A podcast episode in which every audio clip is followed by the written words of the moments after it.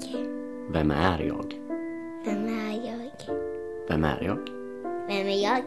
Vem är jag? Vem är jag? Vem är jag? Vem är jag? Vem är jag? Vem är jag? Vem är jag? Vem är jag? Vem är jag? Vem är jag? Vem är jag? Vem är jag? Vem är jag? Vem är jag?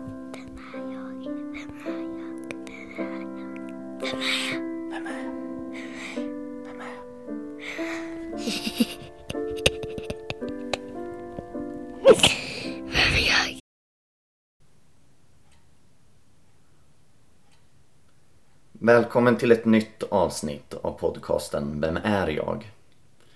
I det här avsnittet träffar jag kvinnan bakom Instagramkontot Tusen ansikten, ett hjärta.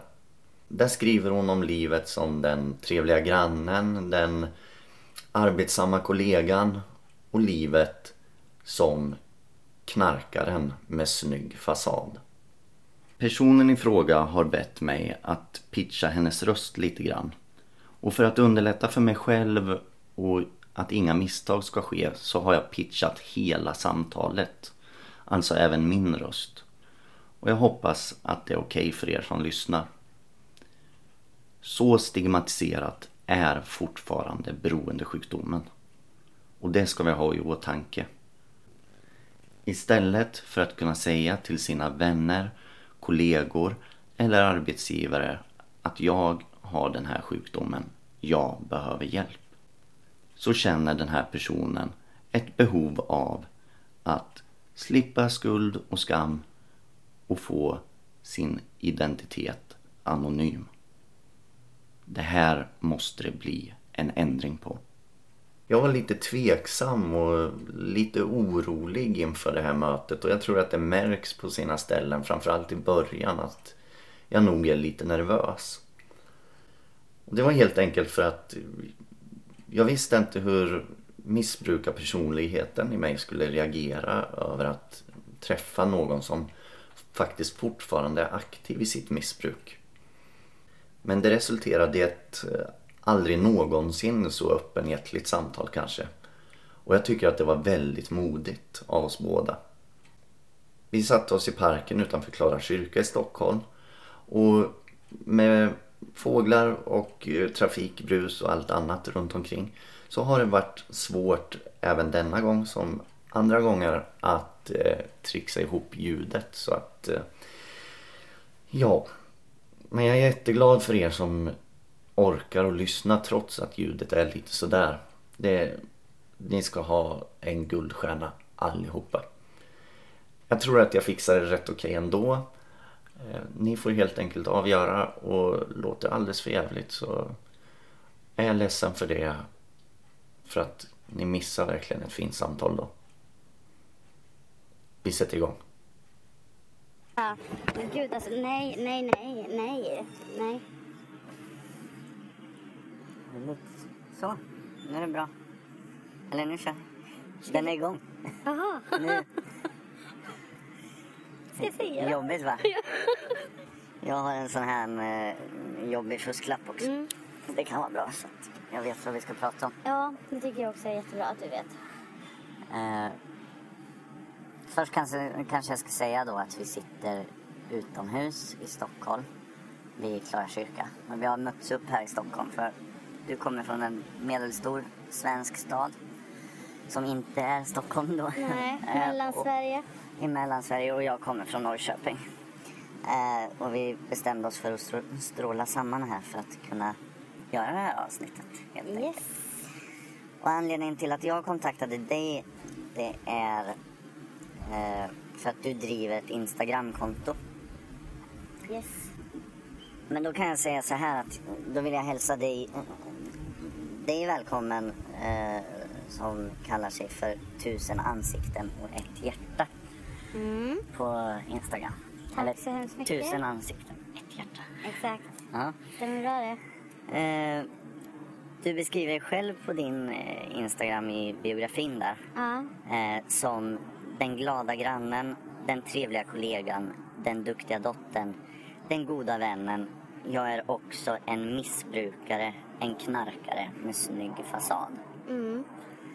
Eh, är du påverkad nu Ja. av Amfetamin. enbart det? Mm. Ja. För jag har Eller jag sett, tar du min- tar benzo också? Ja, eller? jag tar ju min medicinska dos med Xanor. Ja, Depåer. Två milligram om dagen. just det. Eh, Utdelat av staten. ja, exakt. Mm. Det, det är receptbelagt knark. Ja, exakt. Och jag började ju med det 2009. Så nu äter jag väl inte det egentligen så mycket för, för att jag har så himla mycket ångest att jag behöver det liksom. Ja, Utan nu äter jag det nog snarare för att jag Du är är beroende. beroende. För att den här Ja. ångesten som jag hade när jag började med det 2009. Den finns liksom inte kvar på samma sätt. Nej. Men jag är livrädd för att gå det. ja, jag förstår. Och då, alltså jag vet inte, du är, du är den första aktiva missbrukaren som jag har med i min podcast tror jag. Jaha. Och då kan man undra varför jag har det. Och det har jag, funderat på själv. Ja. För att jag, jag tänkte först, ja men nej det, det går ju inte. Kanske blir skitsnurrigt liksom. Med, med någon som fortfarande är aktiv och sådär. Eh, för jag vill ju visa liksom på hur, hur det har fungerat för mig. Att, att jag har blivit fri från knark och eh, alkohol. Mm. Eh, och det var ju mitt syfte med podden från början. Men samtidigt så, så har jag tänkt och tycker att den här mm, beskrivningen av dig som du ger själv på ditt Instagramkonto, att, att det också är viktigt. Eh, jag kände igen mig i det här med att vara den glada grannen och hålla upp den här fasaden som Exakt. missbrukare. Och jag tror att många kan känna igen sig och att det, Och det är så är det viktigt. liksom... Alla missbrukare ser inte ut som de som hänger på Plattan till exempel. Nej. Det är inte de som sitter utanför bolaget och hänger och slänger. Alltså, alltså de flesta missbrukare ser ut som du och jag. Mm. Så det är lite det jag ja, på mitt Instagramkonto försöker förmedla också. Att det kan vara vem som helst. Precis. Och något som jag kände igen mig väldigt eh, väl i, det var det här. Ja men just för du, du har mätt upp någon daglig dos som du Exakt. går på liksom. Ja, jag har en kontrollerad dos som sagt. Ja, Eh, jag är en väldigt kontrollerande person och det får inte tippa över på något sätt. Ehm, så när jag jobbar så har jag en dos på morgonen innan jag åker. Det brukar vara två, två linor. Och sen så har jag en, så har jag med mig två bollar, alltså bomber eller vad man ska säga. Som alltid ligger i min lilla medicinburk. Och så tar jag, ibland tar jag en på förmiddagsfikat och ibland väntar jag fram till lunch. Men oftast går de där två åt liksom. ja. Och då tar du dem som eh, ett, vilket piller som helst liksom. Ja, Ja. precis. Och Eh. ingen märker någonting. Nej. Eh, det där kände jag igen mig i för att jag, eh, jag jobbade inom, inom vården på slutet av mitt missbruk. Och ungef- alltså nästan hela min tid inom vårdyrket så eh, då var jag konstant hög. Liksom. Eller i- inte under hela tiden. Det eskalerade under sommaren och jag började på våren i mars någon gång. Sen, Med vad? Nej, att jobba Ja, att i jobba, vården ja.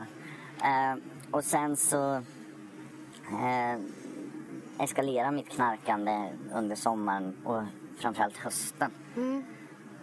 Till slut kunde inte jag jobba nykter liksom. För att jag var rädd för att jobba nykter. Jag visste inte hur det skulle funka liksom. Jag var, kan inte heller jobba nykter. det var ett sätt att stå ut också på något sätt. Jag började med amfetaminet när jag pluggade. För att innan så var det egentligen cannabis som var min Ja. drog. Men så slutade jag med den för att psyk hotade mig med pissprov. Ehm, och då blev det så här, ja men det går ju inte. Jag tänker inte visa något positivt pissprov och bli stämplad som missbrukare. Helt otroligt att det inte har blivit det, faktiskt. Ja. Verkligen, för att jag har, ja, jag har varit positiv några gånger men de har aldrig satt den stämpeln på mig. Men då var det en läkare där som sa det att eftersom jag nämnde cannabisen varje gång jag var där men sa att jag gör ju bara det när jag har ångest liksom och när jag mår så här dåligt som jag gör. Men så sa han det, men okej. Men nästa gång du kommer då tar vi pissprov och då är du ren i så fall då eller? Ja, ja, sa jag. Och så tog han aldrig det pissprovet men det fick mig liksom att nu ger jag mig med det här. Med Och- cannabisen då? Ja, och så märkte jag ju det att jag började ju leva igen då. Ja. För att jag var som ett tomt skal. Jag hade rökt i 10-11 år varje dag. Ehm, I början var det ju mest med kompisarna på kvällarna sådär. Sen rökte jag hela dagarna. På, jo- alltså på jobb och allting. Där, alltså de jobben som jag hade som var så pass fria liksom. Ja, det, så är det ju inte riktigt inom vården att man kan gå ut och röka en fet. Liksom sådär på rasten. Men ja, för de lite friare jobben så kunde jag lätt ta med mig en rullad och ta den när det passar liksom. Ja. Ehm, så jag rökte från morgon till kväll. Men det var väl just det att jag rökte från morgon till kväll och sket i att umgås med mina kompisar. Jag sket i allt. Alltså, jag var nöjd om jag hade min bit och låg i min soffa och fick röka den liksom. Hur är det nu då liksom? Med cannabisen. Nej, med, när du har amfetaminet istället. Mm. Eh, jag började med det... För det blev, när man slutade med cannabisen så blev det att jag började dricka mycket mer. Ja. Och jag gillar ju inte att dricka. Nej. För då tappar jag kontrollen. Ja. Och när kontrollen kommer från Det, det här är van, vanligt hos missbrukare. Ja. Ehm, så då drack jag ganska mycket. Men sen så var vi på en fest. Det var sommaren 2015 och då hade jag precis fått reda på att jag kom in på skolan och sådär. Mm. Och så... Och då var det... För jag gillade inte amfetamin heller egentligen. Men eftersom då hade jag ju inte, hade jag ju inte cannabisen kvar. Och så drack vi lite grann. Och så var det fri tillgång till amfetamin och kokain. Mm. Ehm, och då märkte jag att det här var ju ganska kul. Så att då började jag lite smått på sommaren där, men då var det inte så allvarligt. Utan det var lite då och då. Lite partyknark. Ja, exakt. Det kanske var liksom ett par gånger i månaden. Ehm, sen så flyttade jag upp till Gävle för att plugga och ehm, då var jag väl i princip drog... Nu slog klockan. Mm, då var jag väl i princip drogfri. Förutom mina mediciner då, om man Ja. Ett tag. Sen var jag på dejt med en kille som rökte såklart. Aha. Så då började jag röka igen. Men märkte att skolan gick ju inte så bra för att man blir ju lat. Ja. Så då slutade jag med det igen. Så var jag mycket hemma i min hemstad. Ehm, alltså jag var hemma så, alltså, nästan en vecka i månaden eftersom ja, studierna låg så, så att man kunde Ja, åka det- iväg åka det- hem ganska ofta. Det kan ju se ut så ibland liksom. Mm. Och eh, så fick jag erbjudande om att köpa 10 gram. Alltså vi hade, vi hade, festat under helgen. Mm. Så fick jag erbjudande om att köpa 10 gram och jag bara, oh my god, är du galen eller? Men ta fem då, ta fem då. Ja, mm, mm, mm. För det är ju bra vet du. Men tänk om vi ska plugga. Ja, mm. Det är många som använder det i det syftet Ja. liksom. Att hålla sig vakna och... Ja, så jag köpte de där fem grammen. Och sen har väl jag köpt fem gram varje gång jag köper liksom. Ja. Hur länge Det- räcker fem gram för dig då? Ungefär. Då räckte det ju betydligt längre än vad det gör nu. Alltså, men jag, jag kan nog ha fem gram mellan en, ja, en vecka i alla fall. Jag kan ha det. Kanske upp till tio dagar om jag... Ja. Alltså om jag, inte, om jag inte är ute och festar utan det är bara Nej. jag som tar det liksom. Nej, precis. Så att, och det anser jag, alltså det är det jag menar med kontroll. Ja, att, Att jag kan ha det så länge och kunna dela upp det i portioner och veta Ja. att det räcker liksom så länge. förutom en helg när jag läste att du drog i dig två gram på en kväll. Ja, det var påsk. Ja. Men, ja, det var en jävla flummig kväll det, Det, också. det finns undantag alltså. Det finns undantag, självklart. Och eh, just nu är jag ju sjukskriven på grund av stress, panikångest. Stress, panikångest. Eh, bland annat. Och um, amfetamin har ökat liksom. Mm. Blir du lugn av det? Mm, nej, eller jo, på ett sätt blev det. I början blev jag inte lugn. Då blev jag pratig och glad och Ja. men du vet sådär. Eh, men nu är det mer... Ja, jag blir normal känns det som. Ja. Ja, det är ditt normaltillstånd numera liksom. och nu alltså... Eh, mina vänner är ju lite, ja, de som vet om det, de är lite oroliga sådär för att jag både äter och sover på det nu liksom. Ja, Och då är man ju ganska ingådd.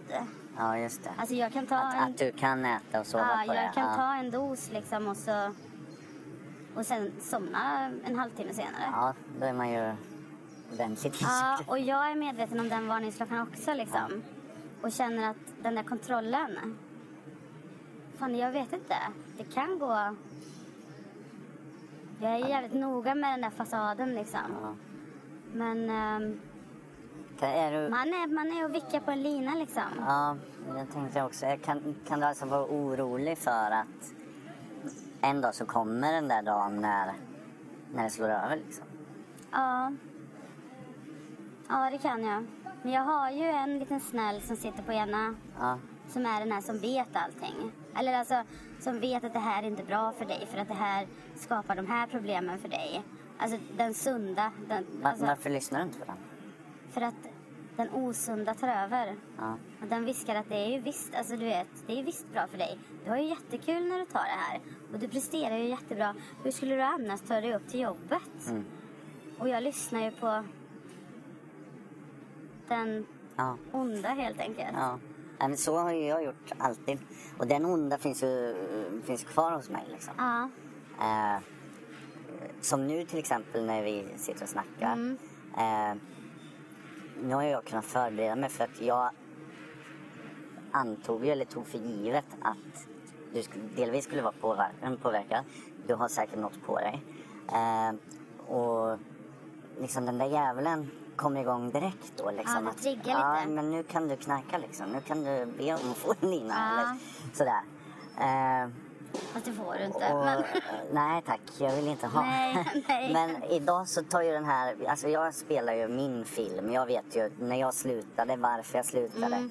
Och eh, vad som hade hänt med mig då. Hur, vad som hänt med, med mig nu i tillfrisknande liksom. Mm.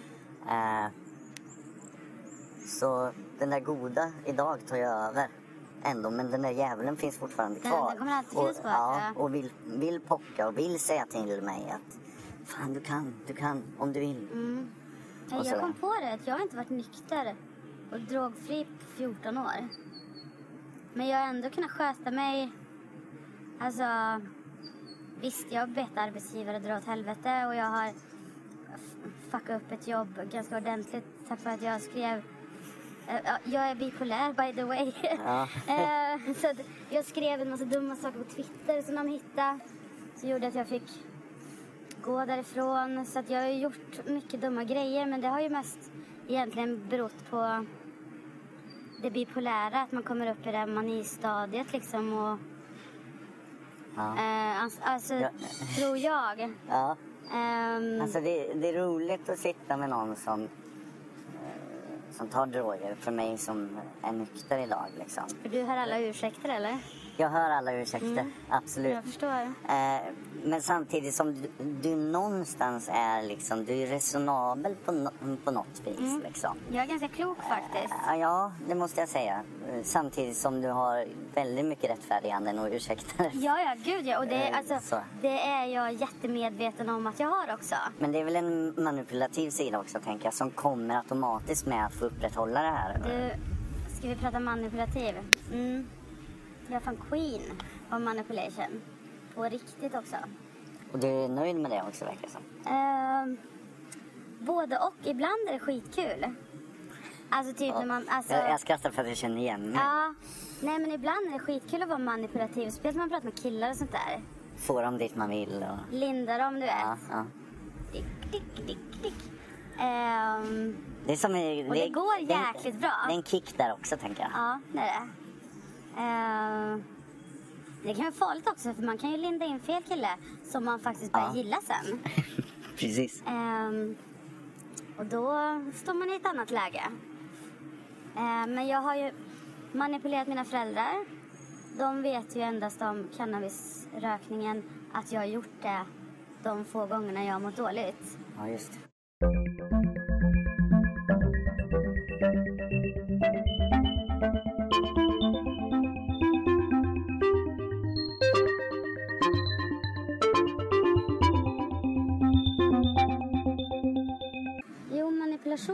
Med ända sedan jag var barn egentligen. Ehm, jag manipulerar mina föräldrar. Inte, alltså, in, alltså det är ju för att jag inte vill göra dem ledsna. Och för att skydda mig själv då såklart också. Ehm, sen jag började med, alltså gick över från cannabisen till amfetaminet.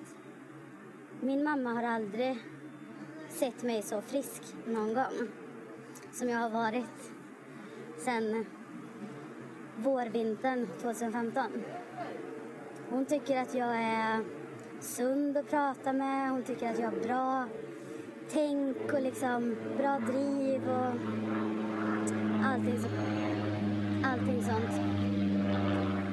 Så de har inte märkt någonting när det kommer till det. För det tror jag nog är värre för dem än vad cannabisen var. Ja, Om det, de skulle få reda på... det tycker väl de flesta kanske. Ja, Så, det är ju ganska stor skillnad liksom. ja. Och sen så är det ju alltså, det är väl de två som är ja, huvuddrogerna i mitt liv. Men sen så har man ju tagit allt annat också. Eller, Alltså cannabis och amfetamin Ja. är dina huvuddroger. ja, fast jag gillar ju inte cannabisen längre Nej. alls. Eller, det blir ändå... Finns det på en fest någon enstaka gång så kan jag ju smaka några blås. Men jag blir ofta rätt besviken liksom. För jag blir ja, men nollad, trög i huvudet och... Ja, jag gillar inte det alls på samma sätt som förr. Så nu... Jag, eh, jag började ta amfetamin och kokain för att jag söp alldeles för mycket. Och när jag eh, tog de två drogerna så blev jag klar i skallen. Mm, Liksom. jag vet. Och så kunde jag supa hur mycket som helst. Mm. Det är många som gör så. Ja, men sen så tog ju det, udden tas ju av ju mer man tar. Liksom. Ja. Så att till slut så funkar inte det heller längre. Nej, jag tror udden har tagits av lite för mig nu. Nu tar jag det mest bara för att typ ta det. Mm. Och skulle jag, alltså om man jämför med sommaren förra året och den här sommaren så är det ju, förra året blev jag hög på det.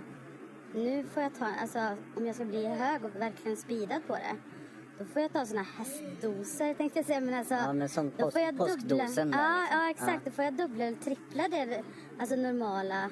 Och det, alltså, jag har ju aldrig gjort något kriminellt för att få ihop pengar till droger liksom. Utan Nej. jag har alltid kunnat finansiera det själv. Så att Genom att du har jobbat och Ja, genom att, jag har jobb, ja, genom att jag har jobbat, genom att jag har pluggat. Jag har varit arbetslös i perioder. Mina föräldrar har hjälpt till när jag var som sjukast i det bipolära, där när jag fick reda på allt det. Så stöttade de till med pengar. Det har jag dåligt samvete för faktiskt. Att jag köpte väldigt mycket hasch för de pengarna. Så det, det svider lite i mig faktiskt sådär. Eh, men alltså, när jag har kunnat försörja mig själv så har jag... Jag har aldrig gjort något kriminellt för att få tag på pengar liksom. Nej. Utan jag Ehm. finansierar själv. Men det, det bipolära måste ju triggas av drogerna. jag. Tror det var så det började med cannabisen faktiskt. För att jag... Ehm, det fattar ju inte jag då. För jag, första, alltså, jag är 35. Ehm, jag började nog röka ehm, när jag var 17-18. Då hade jag en kille som sålde. Så då rökte jag typ varje dag i ett drygt år. Men då tyckte jag att jag blev så personlighetsförändrad till slut så då bara gav jag mig det med det. Sen hade jag två av mina lyckligaste år i hela mitt liv. Eh, när jag jobbade i Grekland, jag bodde i Göteborg. Jag var liksom så här, ja men du vet, glad, alltså jag var verkligen glad liksom. Och då var jag väl ska 21, 22 någonting sånt. Och sen så 2003 på hösten så kom jag hem till min stad igen. Ehm, och mötte de här gamla kompisarna liksom. Och då blev det vi rökte någon gång då och då och eh, jag triggades ju upp utav det. Alltså upp i varv. Ja. Så att jag bara pratade och skrattade och pratade och skrattade och pratade och skrattade. Alltså jag var helt, ja men manisk. Alltså, och de bara skrattade åt mig. De tyckte att jag var världens roligaste. För det var ju ingen som fattade att jag var sjuk. Det fattade ju inte jag själv heller. Ehm, samma sak, Imovan hade jag ju utskrivet. Så med insomningstabletterna. Ja. De märkte jag också att eh, om man, ja, man kan sova på en men tar du en karta på tio och är vaken på det. Då blir det också rätt Det blir samma effekt ungefär. Lite, ja, att man går ja. upp i varv. Så. Nej, när man ja, är omedicinerad, alltså när man är omedicinerad med stämningsstabiliserande och sånt. Ja, Alltså. amfetaminet då liksom. Jag menar det måste ju också påverka det vi får lära.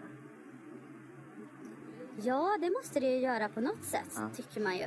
Men du ser inte på vilket sätt själv? Nej, eftersom jag har varit, alltså sen, ja, men sen, ja, sen 2015, våren, alltså våren började stabilisera sig för mig, alltså i det bipolära, för då, var det, då träffade jag den första läkaren som såg mig liksom. Ja. Och han bara, alltså han kollade på min medicinlista, han bara du har alldeles för mycket medicin. Vi behöver plocka bort medicin här. Åh nej, tänkte du? Nej, faktiskt inte. Nej. Men innan det hade de bara kastat på mig medicin. Ja. Jag hade suttit någon bakjour på psykakuten liksom och ja, här har du 200 milligram Serikuel typ och gå hem. Och jag, de var ju läkare, jag trodde ju på dem. Så att eh, när han började dra ner på min medicinering så har jag varit ganska stabil i det. Ehm, jag trodde ju nu innan, innan jag blev eh, sjukskriven nu för stressen och panikångestattackerna då hade jag några veckor där för det var sjukt stressigt mitt jobb. Alltså det var verkligen det. Ehm, och är man ny och allting sådär så det är inte bara stressigt utan man lär sig ju nya grejer hela tiden. Ehm, då trodde jag att jag var på väg upp för jag varvar gärna upp om det blir stressigt runt omkring mig. Men ehm, det blev en panikångestattack istället. Och det var fan det. Alltså jag har haft det tidigare när jag alltså, men då har jag alltid kunnat koppla ihop det med min generella ångest. Det här var något helt annat liksom. Det var pure stress. Och det var helt läskigt. Så att, det är klart det påverkar det bipolära på något sätt men jag har Alltså så stabil som jag har känt mig under, under en, alltså vad blir det nu då? Ett och ett halvt drygt år. Ja. Ehm, så, för jag, jag medicinerar ju varje dag, jag är skitnoga med mina mediciner och så. Ja. Ehm, så har jag känt mig rätt stabil i det bipolära faktiskt. Ehm, jag tänkte...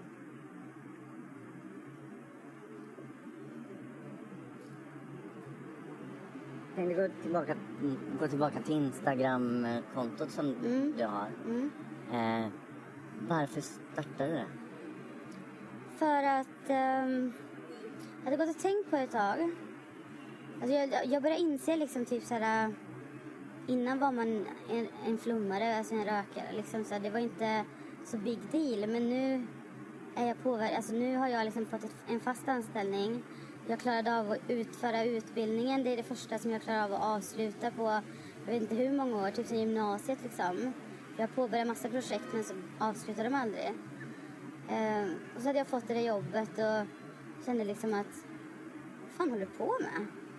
Alltså, du, måste bena ut det här nu för att alla de här tankarna som är i huvudet liksom de, ehm, de snurrar ju bara där. Man får liksom inte ner... Eh, ja, de snurrar runt där uppe men ja, man gör inte så mycket åt det liksom. Så jag startade väl det där kontot egentligen för att få ner saker och ting svart på vitt. För att sen kanske ja, men för att kunna läsa, alltså du vet typ läsa mina egna, alltså hur det är egentligen liksom. Att Som jag, en dagbok Som en dagbok ja. Öppen för alla. Öppen för alla ja, fast det, ja. Det är ingen som vet att det är jag, Nej. kanske. Jag- Eller jag, jag tror inte, det är ingen som har sagt något i alla fall. Nej. Mina vänner vet att jag skriver och de tycker att det är bra och sådär. Men jag har inte, än så länge har jag inte vågat släppa in dem. För det är väldigt mycket privata, alltså det är väldigt privata Verkligen. eh, inlägg som jag gör där. En del kan ju vara lite såhär, ja men du vet, ride a unicorn, ja. men du vet. Ehm, men de längre texterna där är ju sjukt privata. Så att, ehm, så jag har inte vågat släppa in någon där än. Nej. Jag kanske gör det fram- framöver. Men eh, jag vet inte om det... Alltså tanken var väl lite att jag skulle få ner det svart på vitt och börja inse att fan du har problem. Vi måste göra någonting åt det här. Ja. Men jag har inte kommit dit än. Nej. Men jag har ju bara haft det sedan i början på april tror jag. Ja, det det. Så det är ganska nytt. Ehm, Nej, för, för den tanken har, har slagit mig, eller jag har tänkt att... Är det ett rop på hjälp på något sätt liksom? Eller är det ditt sökande efter att få hjälp fast du vet inte hur? jag tror att det är mitt sökande att veta Um, Åh, jag förklara? Det är liksom... Först att jag själv ska erkänna att jag är en knarkare. Eller missbrukare, eller vad man nu vill kalla det. Om, liksom. ja. Mm. Ehm, att jag liksom ska, alltså du vet typ, inte liksom skratta bort det. Utan, eller men du vet typ, för det är, i, i min umgängeskrets så är det liksom, är ingen fara, lite sådär. Ehm, men jag börjar fatta att det är ju lite fara. Så jag vill liksom först göra mig medveten själv om att fan du har problem liksom. Och sen... Och jag behöver ju ta itu med de problemen. Det är jag medveten om. Jag är 35 år, jag har fått fast jobb. Jag har, alltså du vet typ, det, det har liksom börjat styra upp sig i mitt liv. Eh, och då kan, alltså jag känner att, ja men lite livskris att Jag kan inte, det här håller inte tio år till. Det här håller kanske bara ett år till. Vad händer sen då? Ska det krascha allting igen eller liksom? Så att, ehm, Ja, för- att det, men jag är rädd för behandling. Är jag. ja. Varför då? För att jag är rädd för att bli av med drogerna såklart. Ja. Och så är jag, rädd, och så är jag väldigt rädd för... Jag tror jag är absolut mest rädd för att eh, inte ha benson. Ja. Den, alltså, det är som sagt medicinsk dos, men... eh, för att tar jag bort benson så kanske det bubblar upp så jäkla mycket. Jag har ju lagt locket på. Ja. Alltså, my- mycket grejer. Alltså, alltså, som sagt, jag har ju varit aktiv alltså, med diverse, alltså, ja, med allt möjligt i 14 år. Det var lite det också som blev en sån här aha-upplevelse när jag började alltså, vet, räkna på hur länge jag hade hållit på. Ja. Och så bara, men fan det är 14 år liksom. Kom igen. Ehm, så jag är lite rädd för vad som händer om man lyfter på det locket liksom. Ja. Och tar bort allt det där. För jag har ju liksom ja, haft uppehåll när jag ja, inte rökt till exempel. Nej. Men då dricker jag istället. Ja, precis. Alltså, och då är Det- jag lite det är såhär, ofta så, ja, liksom. okej om jag slutar med amfetamin då, vad börjar jag göra då? Ja. Då blir det ju alkoholen som ligger närmast till hands. ja, precis. För något tyngre, alltså, in, alltså jag går inte tyngre än så. Eller liksom... Säg inte det. nej men, nej, men alltså det, eh, Har du sett filmen Vi barn från Bahnhof Zoo någon gång? Nej. En tysk film från, de spelade in den 81 tror jag. Den gick på bio 82. Jag har en originalaffisch på den. Ja.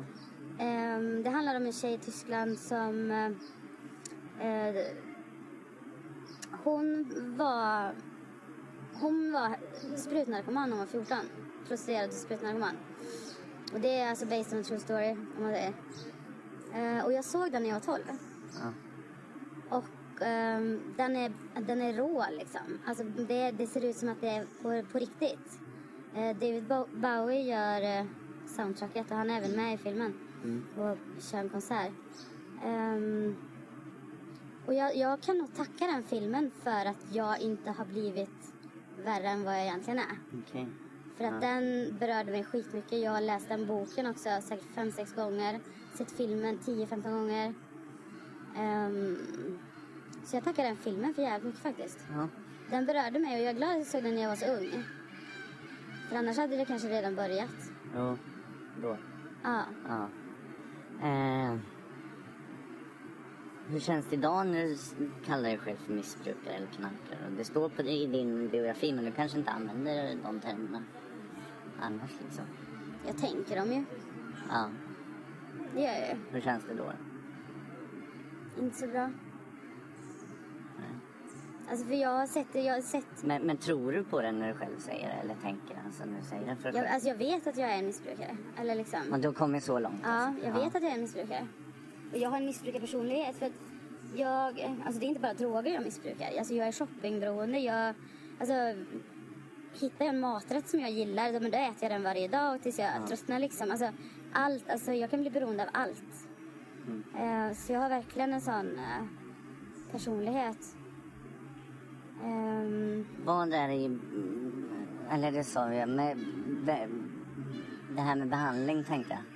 ja, livrädd det. Ja, för att bli av med drogerna framförallt var det då. Eh, Och inte kunnat, ja.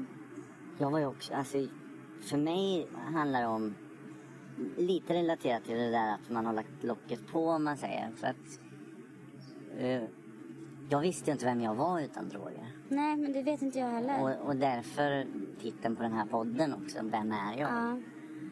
Eh, det var nog det som skrämde mig allra mest liksom. Eh, sådär. För det, ja, jag är jätterädd för det också. Jag tror det står någonstans i början utav de första inläggen där på kontot. Att jag, ja, vem, är, alltså, vem är jag ens? Alltså, Ja. vem är jag? Alltså jag är ju jag såklart. Men vem hade jag varit om, jag, om de här 14 åren hade alltså, varit normalt, alltså inom Ja. situationstecken normalt svenssonliv liksom. Man kanske hade skaffat barn, man kanske har allt det där liksom. På tal om Svenssonliv så Det är jag också livrädd för. Ja, det har jag sett. Mm. Åtminstone ett inlägg. Och Ja. Du skrev om ekorrhjulet du Ja. sitter fast i. Och liksom Mm. enda anledningen till det är inte frihet utan det är, det är bara för att få lön för att kunna eh, betala knarket och hyran och räkna. Ja men exakt. Alltså, jag, ja, jag lever från lön till lön kan man säga. Eh, Och jag tjänar ju ändå inte speciellt bra. Jag jobbar inom vården så att det är inte några jättesummor man får ut. Men jag bor ju själv och har inga barn att försörja och sådär så jag klarar mig ju liksom. ja. Eh, alltså det där, jag ville ju inte bli Svensson när jag knarkade. Eller, och inte innan heller. Det var min, min inställning. Liksom. Ja, jag, ska, nej, men jag- jag, ska jag all, haft- jag ska aldrig bli en Svensson. Nej, jag har haft samma inställning. Alltid i hela Eh. mitt liv. Idag tycker jag det är jätteskönt att leva det där inrutade livet. Faktiskt. Gud, jag har så svårt för att relatera. Ja, men det, det hade jag också eh, Ja. förut. Eh, och jag, alltså jag kan tycka att det är sjukt när jag, när jag tänker på det ibland också nu liksom. Mm. Ja men vad, trå, vad tråkigt jag tyckte. Vad tråkigt jag tyckte att det var eh, för bara ett och ett halvt år sedan. Liksom. Mm. Då var det en mardröm att, Ja, men att alltså- leva som vanliga människor. Ja, men det är min värsta mardröm. För att alltså, just alltså barn och alltså man, alltså, eller man, man behöver inte vara gift, nej, men inte det, men alltså villa, vovve, Volvo, klassiska. Och, att, och jag är så jävla egoist va. Ja. Så att jag, hur fasiken ska jag kunna, alltså du vet, det- trycka ut en unge och gilla någon mer än mig själv? ja. Jag kommer ju få prioritera bort allt kul i mitt liv. Alltså så ser jag på det. ja. Men å andra sidan så har jag sett på det på samma sätt som när jag var 18, 19, 20 som jag gör nu när jag är 35. Så jag vet med mig att jag kommer inte skaffa barn. Nej.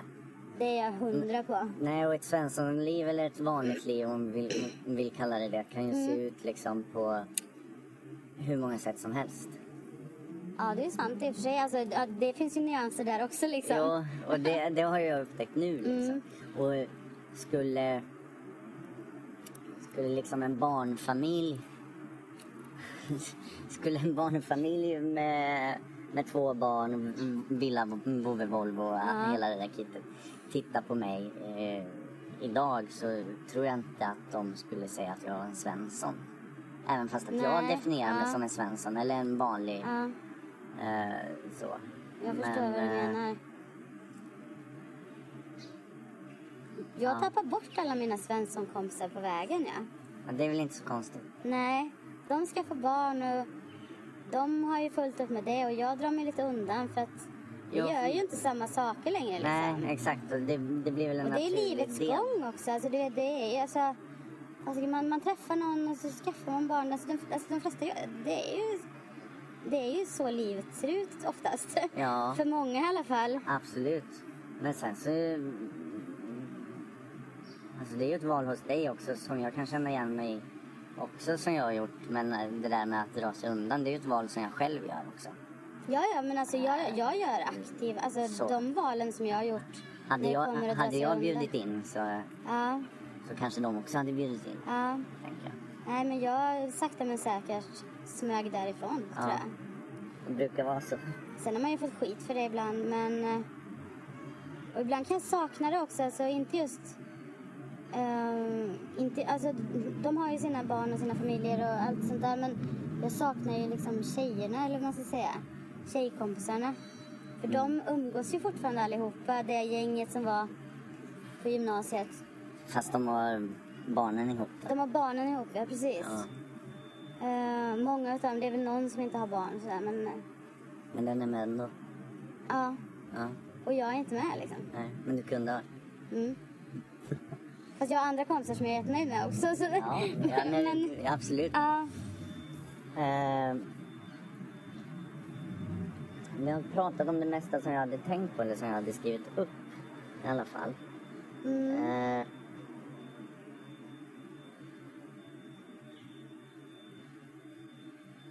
jag tänkte på en sak som jag läste på tåget för jag läste några inlägg för att friska upp minnet. Mm. Nu vet jag inte hur det står till med den här gifta mannen som du har involverat dig i. Vad håller jag på med Eh. känner jag mest. Och Det är mot mina principer också. Ja, Alltså, och där tänker jag... Det är också ett klassiskt att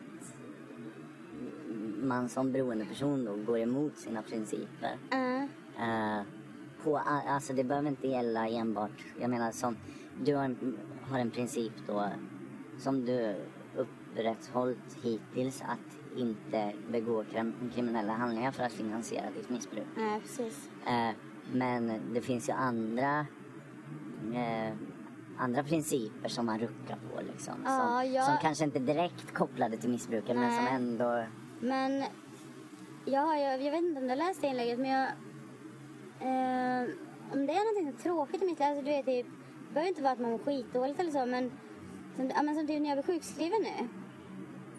Så knullar jag runt som fan, ursäkta orden men alltså och det var ju så jag träffade honom också. Ja.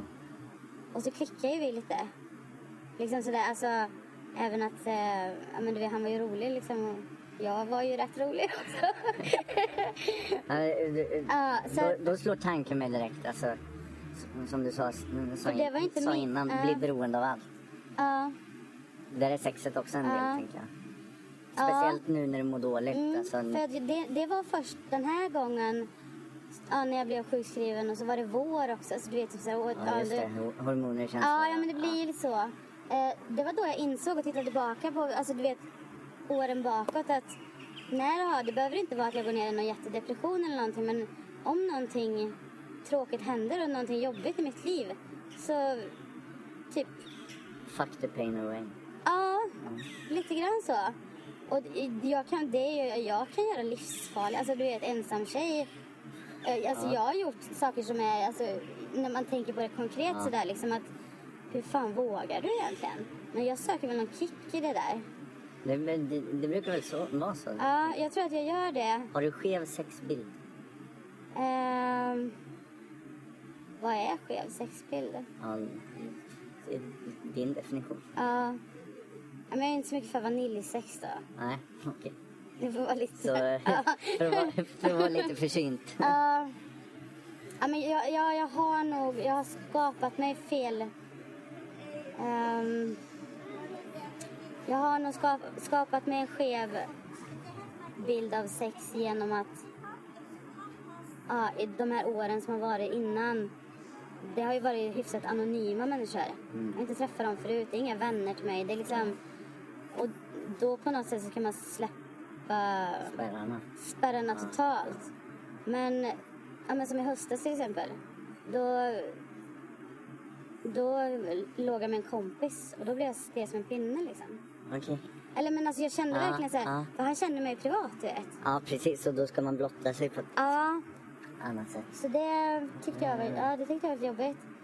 Eh, Så att jag har nog en, en, en rätt skev. Alltså jag under min, eh, under min värsta del, jag, miss, jag missbrukade i tio år innan jag blev nykter. Mm, I början av det när jag var 18-20 ungefär. Eh, och sen på slutet då, eh, då pysslade jag mycket med BDSM-sex och eh, var med på olika sådana här sexträffsajter och eh, så. Så början och i slutet liksom. I början kanske var mer att jag försökte fylla upp det här hålet med allt möjligt liksom. Eh, Och på slutet att jag helt enkelt, liksom, jag behövde söka kicken där också och jag behövde eh, ja, men göra värre och värre saker hela tiden. För att, Jag känner för igen att det där skulle, skitmycket. För att det skulle faktiskt. funka överhuvudtaget. Ja, jag känner igen det skitmycket. För att jag är också på de här suspekta sajterna där man träffar folk bara för att ligga liksom. Och när jag skaffade en, alltså, en profil där för, vad kan det vara, fyra, fem år sedan någonting. Då var jag väldigt mycket mer pryd. Eller men liksom du vet, ja, Ja. kanske dricka lite vin innan eller ja, men du Ja, just vet, det. mjuka Ta upp stämningen. fika. Ja, exakt. Eh, till skillnad mot nu när, jag, när det helst ska vara så anonymt som möjligt. Ja, Eh, för- bestämma träff. Gå hem till någon, Ja, banga liksom. ja, typ. Ja. Och sen, tack, det var trevligt, hejdå. Ja, ungefär. Ja men det är ungefär, alltså jag tänker det, det är som med drogerna eller så har det varit för mig i alla fall att, Mm. att liksom ta min dos. Mm. Och sen är jag nöjd en liten tid. Och sen är jag på där Exakt. igen. Mm. Eh, så. Men det börjar lugna ner sig nu den här perioden som har varit nu på några månader i alla fall. För jag är ju inte så hela tiden. Nej, så där, alltså, nej. Är- är det? Promiskuös eller vad man Ja, säger. precis. Ja. Är det kopplat även till det bipolära tänker du? Eller? ja, kanske lite grann. Jag, jag tänker så här. Alltså, Eftersom det bipolära har ju haft ganska mycket, alltså de gångerna som man har mått dåligt eller om det har hänt någonting tråkigt och jobbigt sådär. Så har ju det, då har ju det bipolära spelat in i det Ja, tråkiga och ja, jobbiga liksom. Ehm, Men jag tänker, för min del så har det nog varit att jag har knullat på just de tillfällena när det har gått ner och jag har mått lite sämre. Mm. Men också när jag har mått bra. menar du bra som är bra eller menar du bra som är alltså hypo bra? hypo, hypomani. Ja. Mm. Hypomani bra. Ja. ja, men ja, det är samma här. Eh, för jag kan nästan bli, ja, men som jag sa att jag blev på drogerna i början liksom. Lite hypoman sådär, lite glad Ja. och lite så. Jag kan bli det i början, alltså du vet typ när jag drar igång ett sånt där race. Ja. Ja, Ett sexrace. ett sexrace ja. Ja. Men sen kan ju, ja bara alltså för att förfina mig själv här nu så kan jag säga att det kan gå ett år mellan gångerna också. Alltså om du Ja, förstår vad jag menar. ja, alltså, det kan vara att jag liksom inte ligger med någon på ett helt år har hänt liksom. Så att jag, det, här, det här är inte vardag för mig. Att göra, alltså du vet knulla runt med Nej, men- X-samtal. Men det, Så. det är väl att vara perioder på ett sätt också. Ja, jag. har tänkt samma sak. Jag har tänkt på det också. Jag var jag en sexmissbruksperiodare, någonting åt det hållet. Fast du har e- ändå inte bytt ut eh, en annan drog Nej, jag har det, bara lagt till en. Du har lagt till en, ja. Mm. Eh, intressant. Ja, När tror du att du kommer vara till ända med, med det här och kliva in på ett socialkontor eller lik- liknande och söka hjälp? jag är så jävla rädd för det, för då måste jag erkänna... Fan, det känns som att jag sviker mina föräldrar så jävla hårt alltså. alltså jag måste erkänna allting då. Jag måste ju ta av mig alla de här maskerna. Mm. Alltså för jag har ju en mask för varje person liksom. Som jag umgås med. Eller jag, de allra närmsta kompisarna som är som jag då, om man säger. Alltså som gör också hyss. Och liksom, men, men, ja men vad de nu gillar att ta liksom. Ja. Eh, det lilla gänget som jag umgås med. Men jag tänker på alla andra liksom att jag, alltså, då måste jag... Men alltså, jag har ju levt en livs... Alltså, det är ju, jag har ju en livslögn. Eftersom jag, det är ju liksom typ ingen utav, de- alltså, ingen utav mina arbetsgivare till exempel, mina föräldrar, alltså, alltså ingen i min släkt, alltså det är ingen som tror att jag är en missbrukare. Mm. Alltså, L- Jag tänkte lögner spricker väl till slut? säg inte så. Eller?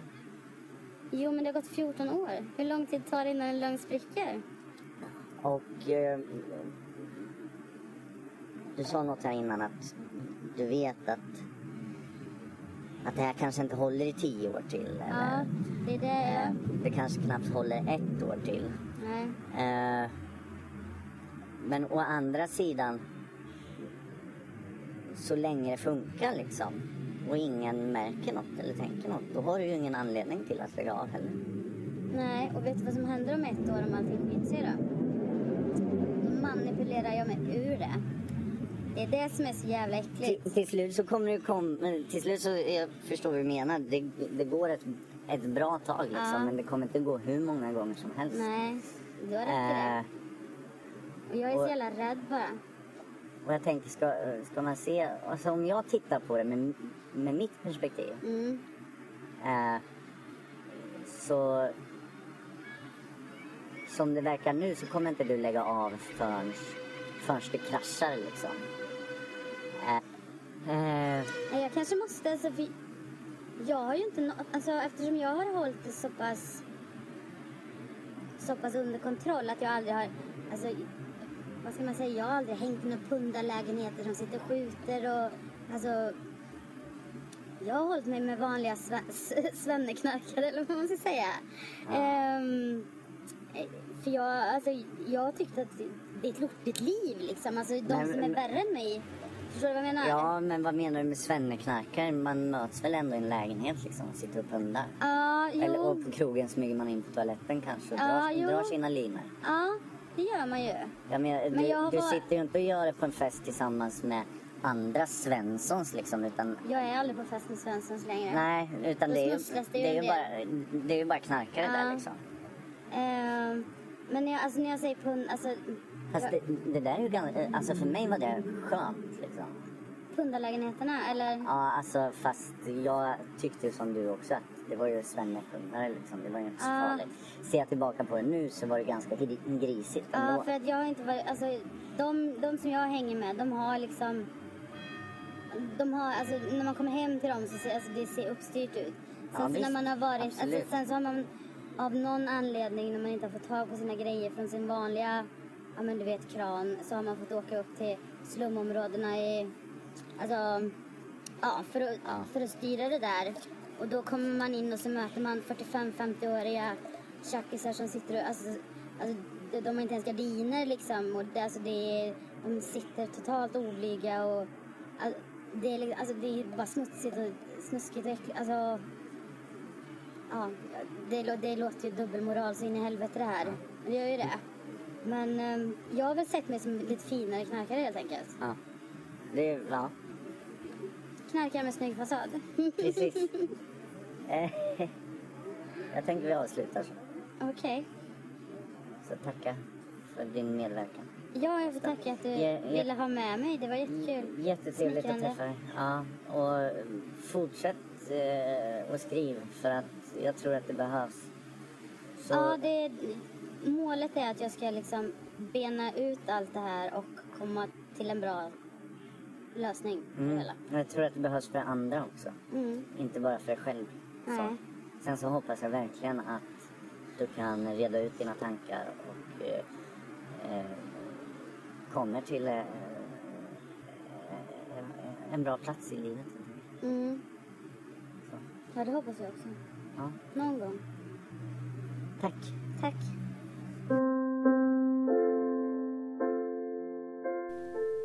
Tack så jättemycket än en gång för att du lyssnar på podcasten Vem är jag? Jag hoppas fortfarande att det ger dig någonting, att eh, ni tycker att det är spännande gäster. Och har ni förslag, frågor, funderingar så mejla mig gärna. Gå in på min Instagram understreck vem är jag understreck eller på min officiella Facebook-profil. Jag svarar hemskt gärna på frågor och tar emot tips. Jag önskar er alla en fortsatt trevlig höst och vi hörs snart igen. Hej då!